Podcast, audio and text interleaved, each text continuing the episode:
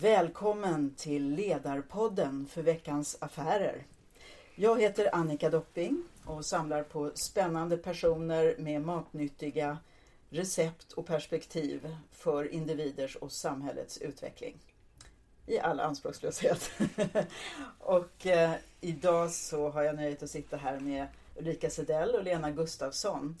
Eh, välkomna hit. Tack så mycket. Som har skrivit en mycket uppmärksammad bok som heter Bortom glastaket. Berätta bara först lite om den. Ja, alltså den här boken har vi skrivit för samhället. Det är inte bara berättelsen om 26 enskilda kvinnor utan vi har hittat en historia, ett framgångsrecept om sju karriärnycklar och sju ledarnycklar. Och bevisligen så är det gemensamt det här som har tagit de här kvinnorna till toppen. Så det finns ett framgångsrecept. Som ingen har letat efter riktigt förut? Nej, och vi vände lite på det. Det är mycket så här hur, vad dåligt det går om man slår huvudet i glastaket. Och vi tänkte, hur tar man sig förbi och rundar det här taket? Vad är belöningssystemet i att jobba och göra karriär? Och ta sig upp till toppen och använda sin makt. Inte för maktens skull, utan för förändringens skull. Där började vi. Och vi möttes i en slags utgångspunkt av hur samhället faktiskt ser mm. ut idag. Vi vet att det är två utav tre chefer i Sverige är mm. män. 66 procent av ledamöterna i ledningsgruppen är män. 85 procent av alla VD är män. Vi ville titta på de kvinnor som faktiskt hade trotsat statistiken, mm. som hade lyckats runda glastaket, krossa glastaket. Vad hade de nu gjort? Mm. Vi ville titta på och lära oss vad är det för framgångsfaktorer som de mm. utav? Vad har gynnat dem? Och det är uppenbart att det här kan bli och redan har blivit väldigt mycket näring och inspiration mm. och faktiskt en manual för många hungriga kvinnor som vill komma fram. Men om man om man är man då, har man någon nytta av det här då? Absolut, därför det här handlar om eh, det vi har tittat på är ju ett beteendemönster. Vi har ju sett vad, de här, eh, vad som har gynnat de här kvinnorna. Det har varit kontexter som har lyft fram. Det har varit relationer som har varit avgörande. Men det har också varit färdigheter. Och vi tror ju att de här färdigheterna, det här sättet som de här kvinnorna har tagit sig till toppen och också lett sina verksamheter det har vi alla nytta av. Eh, dels handlar det om att eh, vi behöver använda all kompetens som faktiskt finns mm. i Sverige. Det, vi vet ju det. Det slutar idag fem chefer varje dag. Oj. På 15 mm. år så mm. kommer vi brister vi. Alltså vi kommer mm. sakna tusentals med chefer. Vi vet att den absolut största konkurrensfaktorn idag bland företagen är att hitta rätt kompetens. Mm. Och, det är ofta svårt att matcha, att mm, kunna det. Mm. Ja. Vi ser ju på kvinnorna i den här boken, en av deras framgångsfaktorer det är att när deras egna värderingar inte matchar med företaget, då går man därifrån. Därför det finns ingen möjlighet att rå på ett företags värderingar utan det är bättre att söka sig till ett företag där man själv kommer till sin rätt och kan jobba på och skapa framgång där. Så man ser att det är inga, de här kvinnorna är inga som lägger sig utan man hittar sin karriärväg och sin framgång och det är det som är det väsentliga och viktiga idag. Medan vi kanske ofta har matats med gilla läget, ja. bit ihop mm. och mm. håll ut. Mm, precis. Och då, sen har vi en också växande ohälsa i många avseenden. Ja, det, och jag brukar säga det att om Lehman Brothers hade hetat Lehman Sisters så hade den här kraschen kanske aldrig hänt. Därför att vi har olika kompetenser och olika möjligheter att styra och driva bolag. Så boken är ju för att skapa en, ett större medel och gynna bolagen. Det är ju det som är det viktiga. Inte att det är bara kvinnorna som ska fram utan att vi ska hitta balansen och bredden för att klara oss och ta hand om alla människor som faktiskt är ledarämnen, som tycker att det är kul att leda. Vad är det som gör att vi tappar dem idag? De unga åker till Thailand och de åker hit och dit och kanske inte alls har den här karriärstegen som fanns förut. Och det har inte de här kvinnorna heller utan de klättrar i en klätterställning. Man bygger på sig kompetens som gör att jag hittar min väg och min kompass i livet.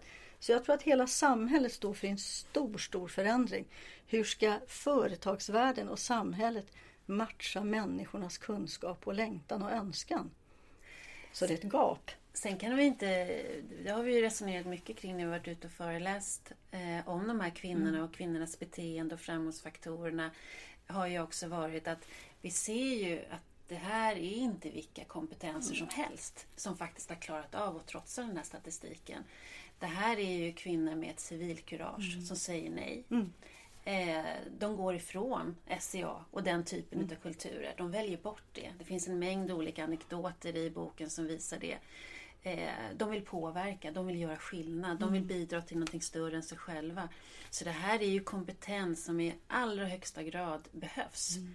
Och då kan man inte låta bli att fundera på eh, de som inte trotsar statistiken, mm. de som inte kommer fram. Mm. Var har de fastnat någonstans och varför fastnar de? Och är det så att det verkligen är kvinnor vi pratar om eller är det ett visst beteende som vi pratar mm. om som kanske är just det beteendet och den kompetensen som vi behöver i våra verksamheter för att bli konkurrenskraftiga. Som tar oss till toppen och inte får oss att fastna i ett dike mellan kompetens mellan kvinnor och män. Det handlar inte om det. Utan det handlar om att lyfta hela kompetensen idag. Precis som du säger, det är så viktigt. Och vi pratar ju ofta om det här eh, någonstans mellan 30 och 34 år så händer det någonting. Det är när vi får barn. Och det är inte vi som får barn, kvinnor, utan det är en familj som får barn. Och där händer också någonting. Och då kan vi se på kvinnorna här att ja, men de är barnlediga om de vill det. De skaffar en vikarie på sitt jobb. Och det finns ju det här att nej men du är VD och det går inte att ha en vikarie. Turbo Chatkovic på Swedavia, hon skaffade en, en, en, en vikarie till sitt VD-jobb. Det gick alldeles utmärkt. Och Ann Karlsson hon säger det att gå inte bara på din eh, karriärplan, det är fullständigt livsfarligt. Utan hitta din egen livsplan, hur ser den ut? Så kvinnorna bygger sitt liv ut efter sin livsplan och inte en karriärplan. Det är jättespännande. Och vad inkluderar en livsplan som inte en karriärplan inkluderar? Då? Livsplan handlar om att inrätta arbetslivet efter livet ja. istället för att inrätta livet efter arbetsplanen. Det är egentligen den stora skillnaden. Eh, att man, eh, och det handlar ju om, idag är det ju så att vi, vi vet att kvinnor är betydligt sjukare än män mm. eh, när det gäller stress. Mm. Eh, när det gäller utbrändhetsdiagnoser så är ungefär 80 procent av de som får det är kvinnor. Och där pratar ju Fredrik Reinfeldt bland annat pratar ju om det här omsorgstrycket som kvinnor utsätts för att eh, i mycket högre grad förväntas ta hand och kanske vilja också ta hand om barn och sina äldre släktingar i livsplanen ingår att planera att just nu har jag tre småbarn. Då kan jag inte jobba på det sättet som jag kan jobba om jag inte har tre småbarn. Alltså att man hela tiden balanserar och tar hänsyn till hela livet. Det är vad en livsplan syftar till. Och man tar också det här när man får ett nytt förslag om ett uppdrag, då går man hem till sin familj och säger okej, okay, nu har jag fått förslag om ett uppdrag. Mäktar familjen med det här? Vill vi göra det? Vill vi utsätta oss för det här? Vill vi prova? Ja eller nej? Kanske när en man får ett förslag som säger men okej nu har jag fått ett förslag om nu ska vi flytta till Bryssel, packa ihop grejerna nu lilla gumman så åker vi. Så gör inte kvinnor utan man leder som man lever, man involverar sin familj, man involverar sin ledningsgrupp, man jobbar tillsammans och det ger fantastiska resultat. En annan viktig grej som vi kan se det är att man väljer, man väljer chef, man väljer partner och man har en prioriteringsordning i sitt valsystem. Och det gör också att man inte slår i glastaket. Väljer man chef så slår man inte i glastaket. Ja, i alla fall så kunde vi se ja, det bland de som mm. vi intervjuade. Eh, när vi satt och sammanfattade det här så såg vi att vissa av de här kvinnorna hade systematiskt mm. sökt sig till någon som de känner förtroende för, som de kan snacka mm. med, som de blir sedda av. Eh, och så det var inte verksamhetsområdet eller eh, funktionen som var överordnad utan det var att hitta den där partnern att kunna jobba tillsammans med. Och de hade aldrig, som hade gjort, jobbat systematiskt med det, de hade aldrig stött på något glastak medan alla andra hade gjort det. Mm. Och då blir det också väldigt synligt att det är ju chefen som ja. gestaltar glastaket. Det är när inte företaget. Ute, när vi varit ute och föreläst om det här så blir det, det blir sån energi i rummet. För alla kvinnor som sitter där, de, känner, de vet det här mm. och börjar prata om det här. Mm. Det kan vi se att det inte alls lika synligt känns inte på samma sätt för de flesta män. Det finns naturligtvis män som, har, som känner av det här och vet det här. Men kvinnor vet det. Kvinnor har varit där. Mm. Eh, och det blir väldigt tydligt när vi är ute och föreläser och alla dessa mejl vi har fått om mm. kvinnor som vill berätta sin berättelse och som vill ses och känner igen sig och säger den här boken är skriven om mig. Mm. Det är mig det handlar om. Eh, och det behöver vi prata mycket, mycket mer om. Vi pratar om kvotering, mm. om att trycka in fler kvinnor i styrelser. Men vi pratar väldigt lite om vad som händer när kvinnorna väl är inne där under taket. Mm. Vad som pågår. Och nu ser vi att visst, det är fler, fler kvinnor i börsbolagens styrelser. Men VD blir färre i börsbolagens styrelser och det är det vi kan mäta för det finns ingen statistik för andra bolag. Så det finns alltså, okej, okay, det är ett lyft i styrelserna, men VDarna då? Där vi verkligen gör påverkan, vad händer där? Varför backar det? Och jag kan tänka mig att nu, vi ser ju att det är ett tryck därför att vi behöver ha mer kompetens, det saknas. Och det här trycket om man säger ifrån Ja, det är ju kvinnor då, man behöver fler kvinnor. Då blir också motståndet större innan man hittar det här samarbetet. Så det är viktigt nu i arbetslivet att vi förstår att det handlar om ett samarbete för att bibehålla standard, skolor, dagis, konkurrenskraft, utveckling, innovation. Då kan vi inte liksom välja på 50 procent. Det är ju helt korkat. Men vad tror ni är viktigast då? Är det att inom befintliga organisationer förändra myllan så att kvinnor kommer fram? Eller är det att liksom fokusera på de nya som ska in i arbetslivet? Vad, vad känner ni prioriteringen däremellan? Man behöver jobba på båda ja, vägarna. Både, för ja. du, du kan inte bara trycka in de nya och tro att det förändras. Nej. Den klassiska gjorde vi, var ju många myndigheter som gjorde mm. den resan i, i början på 2000-talet. Eh, när man skulle ha in akademiker mm. plötsligt. Mm. Och bara man fick in ett antal akademiker skulle allt förändras. Man skulle bli mycket mer service-minded. Det skulle bli en högre intellektuell nivå när man mötte medborgaren. Det, det, det, fungerar ju inte så. Det är inte så att man kan flytta människor som schackpjäser och så händer det något. Mm. Utan man måste börja jobba med ledarskapet, man måste börja jobba med kulturen. Och ledningen måste ju ta ett gemensamt ansvar för den här frågan, för den är ju affärskritisk. Mm. Och den är också en, en eh, ideologisk fråga. Det handlar om människosyn. Det handlar om, om ansvaret för varandra och för världen och för det, mm. den framtid vi vill bygga tillsammans. Jag tror att det handlar otroligt mycket om, om beteenden. Och det får vi mycket feedback om, att vi kopplar beteenden och affär.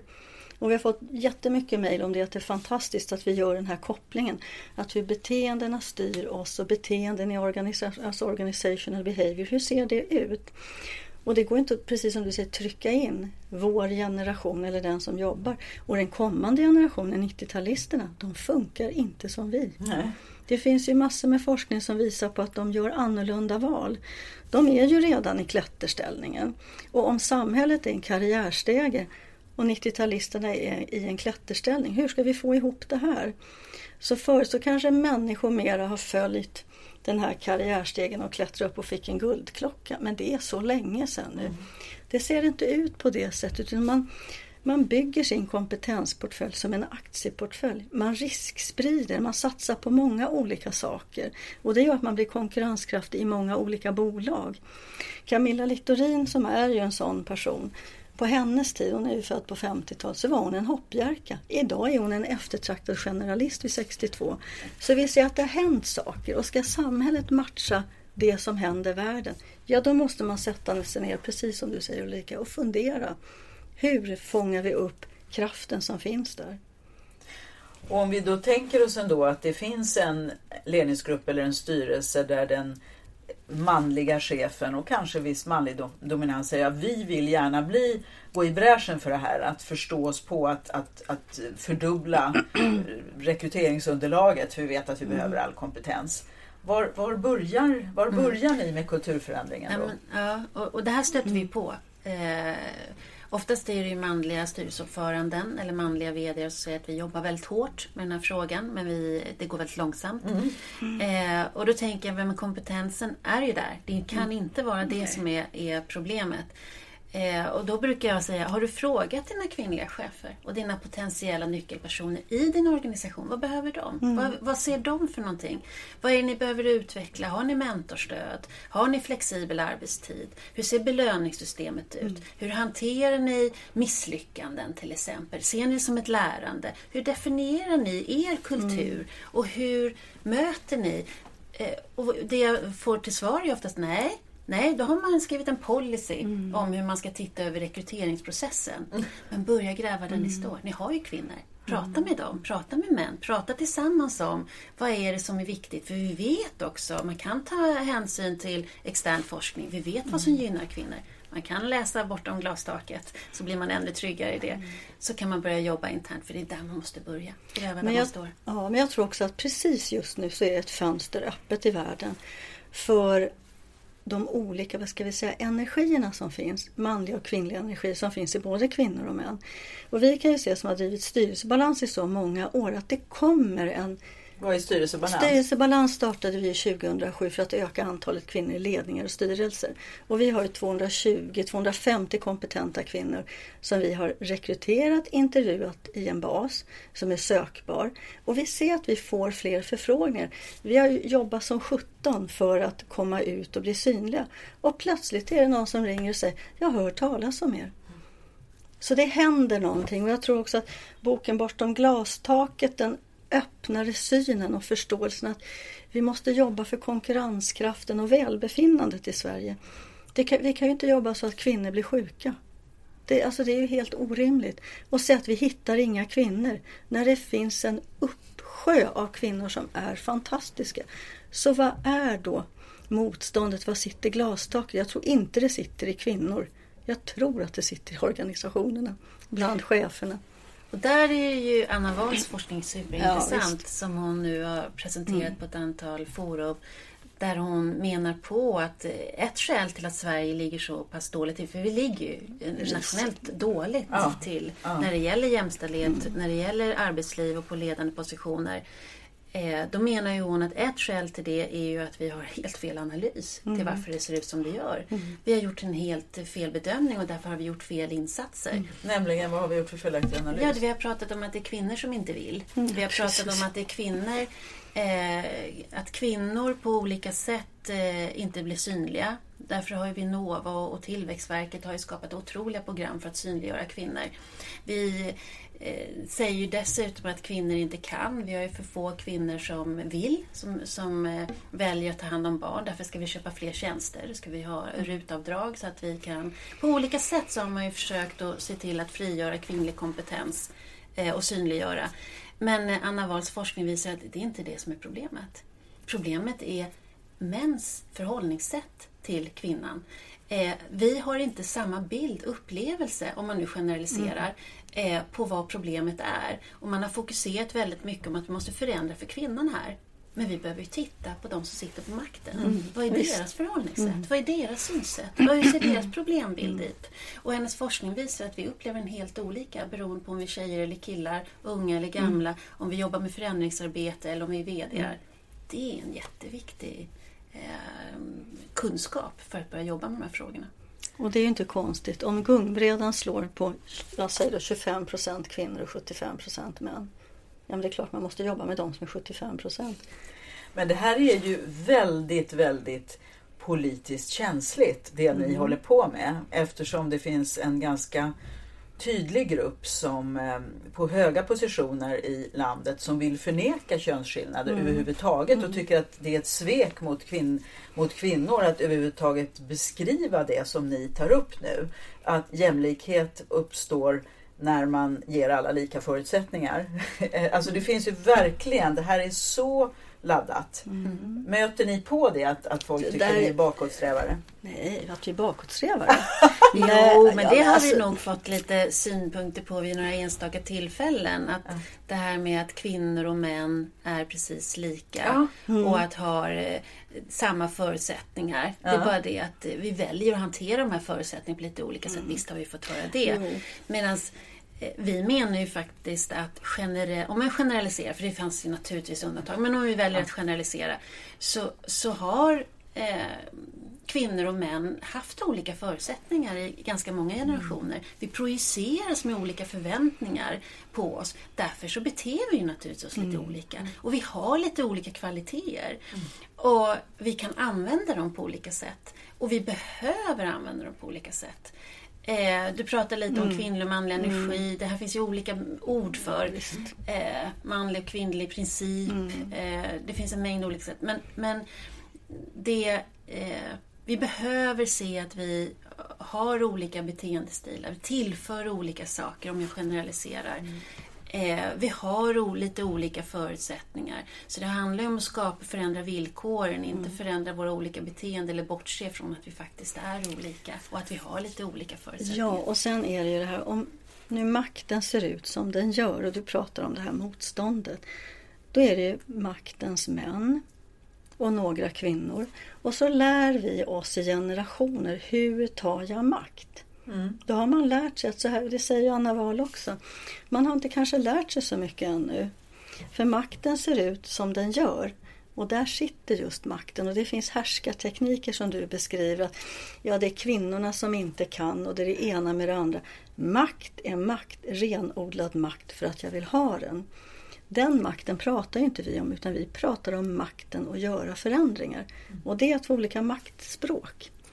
Så det är lätt att hålla ner, man ska säga, hålla bort en grupp som vill förändra. Vi vet ju att det lång, tar lång tid med förändringar. Så vi har ju ett arbete att göra, inte för att ta makten ifrån någon utan för att tillsätta rätt maktstruktur. En påverkansmakt och det är ju de här kvinnorna vill ju det. Man vill ha makten för att påverka, inte makten för att åka privatjet. Det är två skillnader där. Privatjetet eller påverkansgraden. Och det gör ju, apropå behålla kvinnor och attrahera mm. kvinnor, kompetens. Eh, det gör ju att det inte är lika lätt att behålla den här typen mm. av kvinnor. Det vittnar ju mm. Ebba Lindsey mm. också om i boken nu hur hennes resa, att när man är så värderingsstyrd, när det blir så mm. viktigt, så kan, man också, kan det också uppstå konflikter. Mm. Eh, och maktspel. Och då är det en hel del av de här kvinnorna som tycker att det inte är värdigt att spela det här spelet, utan de går därifrån. Mm. Och jag skulle ju tycka att eh, jag jobbar ju mycket med chefshandledning och träffar många av de här kvinnorna som har valt att gå. Jag skulle ju tycka att det vore fantastiskt intressant om man följde upp mm. alla dessa kvinnor mm. som går. Eh, vad tar de mm. vägen? Vad mm. gör de? Varför mm. gick de? För jag kan ju tänka mig att många av de här kvinnorna är de vi absolut ska sätta på toppositionerna i Sverige. Mm. Som har den integriteten ja, också? Som har integriteten, mm. som har eh, ett annat högre syfte än eh, flygplanet. Mm. Eh, nu raljerar jag. Men, men att det finns ett högre syfte med varför de är där, vad de vill åstadkomma. Mm. Ja, jag tycker också att ifrån den här boken ska man titta på modet att våga göra en förändring utåt. Men också civilkuraget att stå upp för sig själv och se att den här värderingsgrunden, jag kan inte jobba kvar här för det går så emot mina principer. Och vi är inne liksom på en, säga, en djupare dimension av helhet och hållbarhet som man pratar så mycket om. Och de värderingsstyrda bolagen, eller många som pratar om värderingsstyrning, man behöver göra om det här jobbet och se vad är det för värderingar som finns. Hur kartlägger jag mina värderingar, gruppens värderingar och organisationens och få synk i det här. Och det finns ju sätt att jobba med det här som jag själv gör jättemycket i organisationer. För att få med individen. Man kan inte börja på toppen och säga ah, vad ska vi ta öppen, dynamisk och kreativ, är det bra? Är ni med på det? Ja, säger gruppen. Och så är man inte med på det. Så det gäller att göra den här resan och få med kompetenser, kunskaper och hälsan. För ska 80 procent av alla duktiga kvinnor bli sjuka på ett eller annat sätt och det här kommer också drabba männen så vi måste verkligen, och jag brukar inte säga måste så ofta, men här måste vi stanna upp och tänka till. Hur ska vi driva företagssverige? På ett vettigare sätt än vad som är gjort idag. Jag tycker skandalerna duggar rätt så tätt. Samtidigt som framgångshistorierna i den här boken skulle kunna dugga minst lika tätt. Det har ni fått bevis på, inte ja. minst av alla mejl som har bekräftat att de känner igen sig. Och att vi sitter här med dig idag. Ja. Mm. Och sprider en annan typ av kunskap. Och många som tittar i boken säger vilka fantastiska historier. Det är som att läsa en berättelse om en person.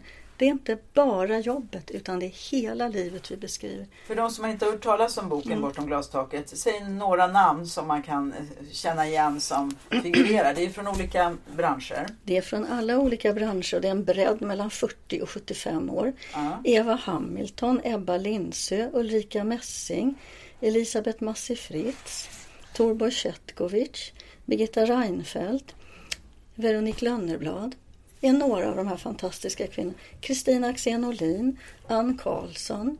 För oss var det ju väldigt viktigt när vi skrev den här boken, det var ju att vi skulle träffa eh, kvinnor som har varit i alla branscher. Mm. För vi ville inte ha den här kontextuella diskussionen att ja men så är det i industrin eller så är det inom sälj eller media.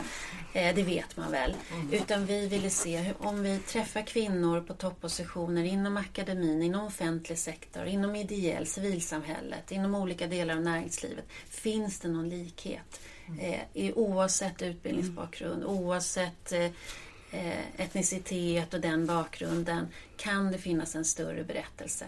Och det visar sig att den var ju otroligt lik. Och det säger också de här kvinnorna själva. De är helt fascinerade över mm. att det är samma berättelse. För de har känt sig som rätt udda fåglar. Ja. De har trott att de har mm. varit ensamma mm. om det här. Ja. Och det är därför jag tror att vi möter så starka ja. reaktioner när vi är ute och att det blir så fullsatt när vi mm. föreläser. Det är ju att vi pratar inte om det här. Man tror att man är ensam mm. om sin erfarenhet och sin resa. Vi behöver prata mycket mer om upplevelsen mm. av att vilja åstadkomma förändring, av att eh, få en organisation med sig. Att vad är det som, som gynnar? Och inte minst det som vi har talat om flera gånger nu här, som kvinnorna också uppmanar till. Gå därifrån mm. när det inte passar. Det här har vi konsumentmakten. Mm. Alltså spela inte spelet, mm. utan det finns en mängd organisationer som faktiskt är drivs eh, eh som är värderingsstyrda och där det inte finns glastak, där det är kompetens som premieras. Välj dem! Mm. Och det är också fantastiskt, jag pratade med Maria Hamrefors häromdagen och då säger hon boken har redan en livslängd och ett uppmärksamhetsvärde mer än andra böcker av den här kategorin. Den kom ut 8 mars och den lever fortfarande och får fler och fler förfrågningar. Av den här kategorin brukar kanske ha två, tre veckor. Sen kommer nya böcker. Oj. Ja, så den här lever på i full kareta. Och det är vi glada för, verkligen. Men ni har ju satt fingret på något där det har varit en kollektiv förnekelse mm. eftersom det här är politiskt inkorrekt mm. så det bara visslar om mm. det och tabu och påstå och ens tala om att det skulle vara könstypiska mm. beteenden. Och de, de, som då inte känner igen sig, för som ni själva säger, det finns ju på en normalfördelningskurva mm. så finns det alla ytterligheter och om man då tar sig själv som intäkt för mm. att nej sån är inte jag, alltså är tesen felaktig. Mm. Ja. Eh, och så många då tror att ja, nu har det här misslyckats i 30 år och vi får färre och färre. Men lite hårdare och lite more of the same ska mm. nog göra jobbet. Det, det, kan ju verka väldigt märkligt mm. att man försöker hamra i ett misslyckat, systematiskt misslyckat recept gång på gång. Mm. Och samtidigt ordet jämställdhet, det är ju inte många som bara... Det finns de som är passionerade men det är inte alla som jublar och känner att det är vad jag vill prioritera i, min, i, i, mitt företag. Ja, man ser inte det som en affärskritisk fråga. Och det är det verkligen. Och det är roligt hur vi har träffats. Vi kände inte varandra innan vi började skriva boken. Vi träffades här på United Spaces och började fika och diskutera och kände att det är för jäkligt, vi behövde, borde göra något åt det här. Och så väcktes idén om boken. Så det är ingenting att vi är gamla vänner som har suttit och, Stått och nej. kämpat på barrikaderna utan, för kvinnors Inte alls, utan det är ett gemensamt intresse att lyfta och väcka frågan. Och vi, har, vi har ju det med oss ja, på olika sätt. Ja. Eh, jag själv är ju uppvuxen på barrikaderna. Jag växte upp under 70-talet. Både mamma och mormor gick i Du fick höra just det med knutna mm. Exakt. nävar. Jag var på barrikaden. Ja, man ser det. Aktivisterna som inte går ut. Ja, men det, var jätte, det har ju varit så otroligt berikande att lära känna varann och driva den här frågan ifrån två olika generationer. Ja. Och också den bredden. Så det är ju en egen spännande och härlig resa att lära känna varandra och trycka på som tusan nu. Mm. För att kvinnors berättelse, ofta får man ju inte berätta så där ymnigt som ni tillät er utan man har ett färdigt sätt med frågor och mm. så är inte kanske multiple choice-svar men ändå en mm. lite begränsad box. Mm. Och här fick man breda ut Det var ju väldigt roligt för när vi bestämde oss för att vi skulle göra intervjuerna då sa ju Lena och jag vi ska absolut inte prata privatliv. Vi ska absolut inte prata om kvinnliga attribut, eller attribut för vi vet ju att kvinnor i media mm. Där pratar man om hur dyr väskan är eller hur klarar man att vara mamma och vara chef. Hur ska det gå till? Mm. Och det sa vi, vi ska inte nämna det överhuvudtaget. Utan vi ska bara stringent ja. oss till arbetslivet. Och när vi började våra intervjuer, det tog inte mer än fem minuter, så började den vi intervjuade prata om det som var viktigt. Mm. Nej, men hela livet. Mm. Kärleken, föräldrarollen, mm. drömmarna, behoven. Och vi kände oss otroligt korkade och naiva. Mm. Och när vi kom tillbaka och gjorde, träffades och, och, diskuterade våra olika resultat och sa att hur kunde vi vara så korkade? Mm. Eh, därför att det är också här... på den manliga ja, myten med att karriär är ett egenvärde, ett mm. fristående. En egen ja. process som liksom är, är kopplat från resten av livet och snarare den som styr då livet. Mm. Medan de här kvinnorna pratar helhet. Och det är väldigt roligt. Eh, apropå helhet, för de pratar verkligen om helhet. Både ja. när det gäller familjen och jobbet och se sitt liv som helhet. Men det gör de ju även som företagsledare. Ja, visst, det är samma. Mm. Eh, Louise Sander hon beskriver så roligt i intervjun, hon är VD för Handelsbanken Liv och hur hon har i olika roller rapporterat till olika styrelser och ofta noterat eh, i början av sin, sin karriär att hon pratade för stora ord. Hon var för visionär, hon pratade strategier, hon pratade om stora mm. penseldragen och fick då feedback på att hon var väldigt lullig och, och otydlig och, och, det var ett nyckeltal som efterfrågades, mm. uppföljning på det. Mm. Och det skrattade vi mycket åt. Och det här finns ju alltså det är gemensamt, mm. de ser till mm. helhet. Mm. Oavsett om det är den business eller om det är familjen, om det är livet. Mm. Och det mötte vi ju på när vi började med våra intervjuer. Och det är fantastiskt. Och jag Inte kände... tunnelseende, det är Nej. 360 grader. Och jag kände mig så hemma där. Jag är ju journalist från början, jag jobbar på Bonniers och kanske säkert skriver 600-700 artiklar om medicin och hälsa. Och då frågar man ju på helhet. Så när vi möttes och såg att men det här är ju, det här är ju livsberättelser. Det var ju otroligt kul att få ta fram den här ådran, och det vet ju du som är journalist, och fråga det där som man är nyfiken på själv. Ja. Vad är det för någonting som driver dig? Hur har du gjort? Hur har du valt? Vad är belöningen? Vad är roligt? Vad har du mött på för hinder? Så det är det som är den här, det är en härlig, härlig livsberättelse om livet, kärleken och jobbet. Men vi har ju också, det, så var det ju, mm. att när kvinnorna fick läsa sina intervjuer mm. innan det trycktes i bok. Vi var väldigt noga med den etiska delen, att ingen skulle känna att den lämnade ut för mycket eller så. Så att de fick ju läsa vid flera ja. tillfällen det de hade sagt.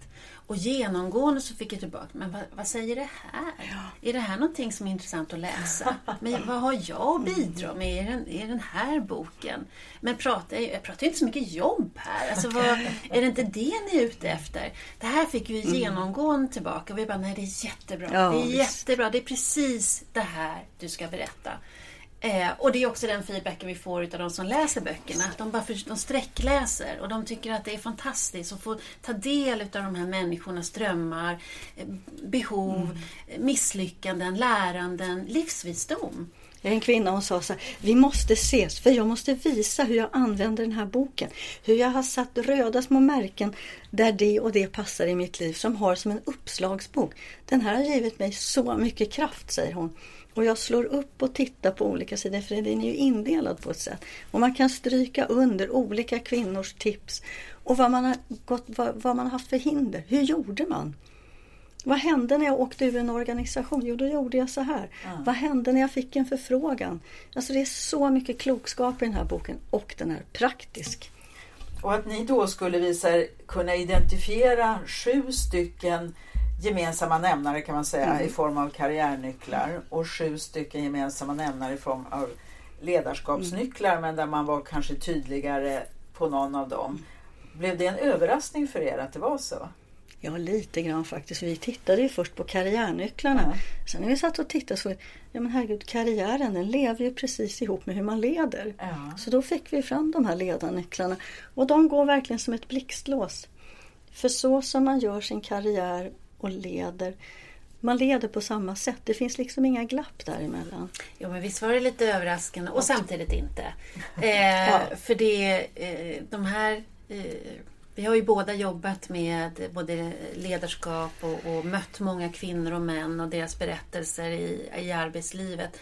Så det var väl inte någon jätteöverraskning. Men det var ju fantastiskt, det kliade hela kroppen. Det var ju så här, mm. det stämmer. Det, det finns mm. eh, saker som de upprepar överallt. Och när vi började ringa in de här och vi hade klister och klippte på väggarna och sådär.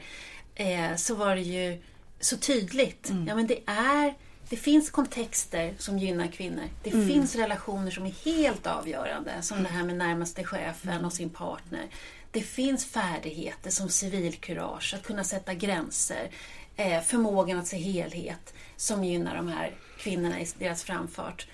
Och sen det här att de faktiskt lever som de är, mm. så som de leder sig själv, mm. sitt självledarskap, mm. i direkt i, i, i relation till hur de leder andra och leder verksamhet. Det var också jätteintressant. Det var ju väldigt varmt förra sommaren när vi skrev det här. Vi var ju mest inomhus kan jag säga och klistrade och klippte. Och såg att hur vi själva, som du sa, att hur ser myten ut? Så vi fick ju ifrågasätta oss själva många gånger, det vi hittade. Och, och se att ja, men så här berättar man, det är det här det är. Så vi blev ifrågasatta själva. Och det har också varit jättespännande. Det är ju ett eget, en, eg, en egen ögonöppnare fast vi visste det. Men när man sen skriver och ser det och klustrar och det är en bok. Ja. Det går inte att få det, det tydligare. Så Nej. många gemensamma ja. mönster där, i de mest vitt skilda med mest vitt skilda bakgrunder. Men äh, man skulle ju ändå kunna tro att nu, nu är, har ni eh, som ambition att cementera eller till och med vidga klyftorna mellan könen. Men eh, nej, man, det, era, era olyckskorpar skulle säkert ja, jaha nu ska vi liksom ha kvinnorna mot männen eller så. Men om man tittar på unga män så tycker jag att många av dem lever ju på precis samma mm. sätt. Alltså de har en holistiskt perspektiv. De har krav på ett syfte större än den egna karriären. De, det är livsplanen mm. Eh, och familjen. Och mm. så. Mm, absolut, det här könsrollerna är ju i förändring. Så mm. absolut. Sen kan vi också se att de männen som kommer till våra föreläsningar, de säger att det här kunde lika gärna skrivits om mig. Ja, det finns ett, mm. men det är vårt problem är att det är de männen som kommer. Mm. Vi skulle gärna vilja prata med de andra ja. männen. Ja. Eh, så att absolut, det här det här handlar ju mycket mer om folkbildning egentligen. Ja, det, det här handlar om att lyfta fram ett beteende mm. en, en, som uppenbarligen gynnar mm. andra människor att växa och utvecklas. Uppenbarligen gynnar kreativitet och innovation och ansvarstagande och hållbarhet. Det är ju det vi vill förmedla. Eh, och kunskapen kring det. Så hur ska man då skapa i organisationen förutsättningar för att få det här, använda sig av den här kompetensen. Men inte ställa kvinnor och män mot varandra. Nej. Men två beteendestilar skulle jag vilja hävda, vill vi mm. ställa mot varandra. Och jag, jag för, var, eh, hade ett event här för Passion for Business här för några dagar sedan. Eh, och då pratade vi just om, handlar det verkligen om att kvotera in kvinnor? Eller handlar det om att kvotera ut stofiler? Mm. Blev det ett väldigt resonemang om, utan att sätta kön på det. Mm. Eh, för vi har en segmenterad eh, gammalt synsätt mm. från industrialismen om vad som bygger ett starkt stabilt företag och vad som skapar Eh, Eh, gynnsamma faktorer för tillväxt och, och, lönsamhet. Det här ställer ju det lite på ända. Ja, jag tycker könsroller känns, men nu har jag jobbat för förändring i kanske snart 40 år. Könsroller känns så himla ute. Det handlar om livsroller. Vad har vi för livsroller under våra olika faser i livet? Och där tror jag man behöver börja titta både i näringslivet och i privatlivet som jag säger, killar då som vill vara hemma med sina barn. Ja, självklart, då är det en roll i livet under en viss period. Så om vi skulle kalla det för livsroller istället så skulle vi få ett mycket lättare förhållningssätt. Vi behöver inte sätta någon emot varandra utan det är livets roller som skulle förenkla det tror jag. Det är, könsroller känns, jag vet inte. Jag är själv ute och föreläser ibland mm. om forskning som som, har, som jag har fått ta del av och gjort tv-program om mm. förut. Som handlar, och då använder vi begreppet kvinnolikt och manlikt beteende inom mm. förhandlingsteknik, mm, mm. mötesteknik, beslutsfattande, mm. riskbedömning, mm. konkurrens. Alltså sådana som mm. är väldigt relevanta i arbetslivet men där det definitivt finns män som är väldigt kvinnolika och vice versa. Precis. Men det är det mer könstypiska beteendemönstret som man refererar till. Och alltså, Senast häromveckan gjorde jag för ett universitetssjukhus och det är att se i ögonen på hur det här förklarar en massa skeenden mm. som bara läcker energi mm. och tydliggör så att man höjer sin egen medvetenhetsnivå och kan fatta mycket, mycket mer mogna beslut. Det, det är väldigt tacksamt. Ja, det kan man ju se med de här kvinnorna. Att, att stå på stadig grund, alltså självkännedomen är jätteviktig. Efter min journalistkarriär så utbildade jag mig till beteendevetare och legitimerad KBT-terapeut. Och de där teknikerna har jag överfört på ett enkelt sätt i näringslivet och förstå vem är jag? Hur ser min kod ut? Hur har jag lärt mig det här? Och så kopierar man och klistrar in sitt beteende. Det är inte så konstigt att det ser ut som det gör. Och när man ska då förändra som flera av de här kvinnorna har gjort. Vad passar mig? Hur vill jag ha det? Ja, då ska man gå emot sin uppväxt mammas och pappas kloka ord. Det kanske inte passar mig idag. Så det är mycket, det handlar om många olika val i livet och stå på en egen stadig grund och ha civilkuraget intakt.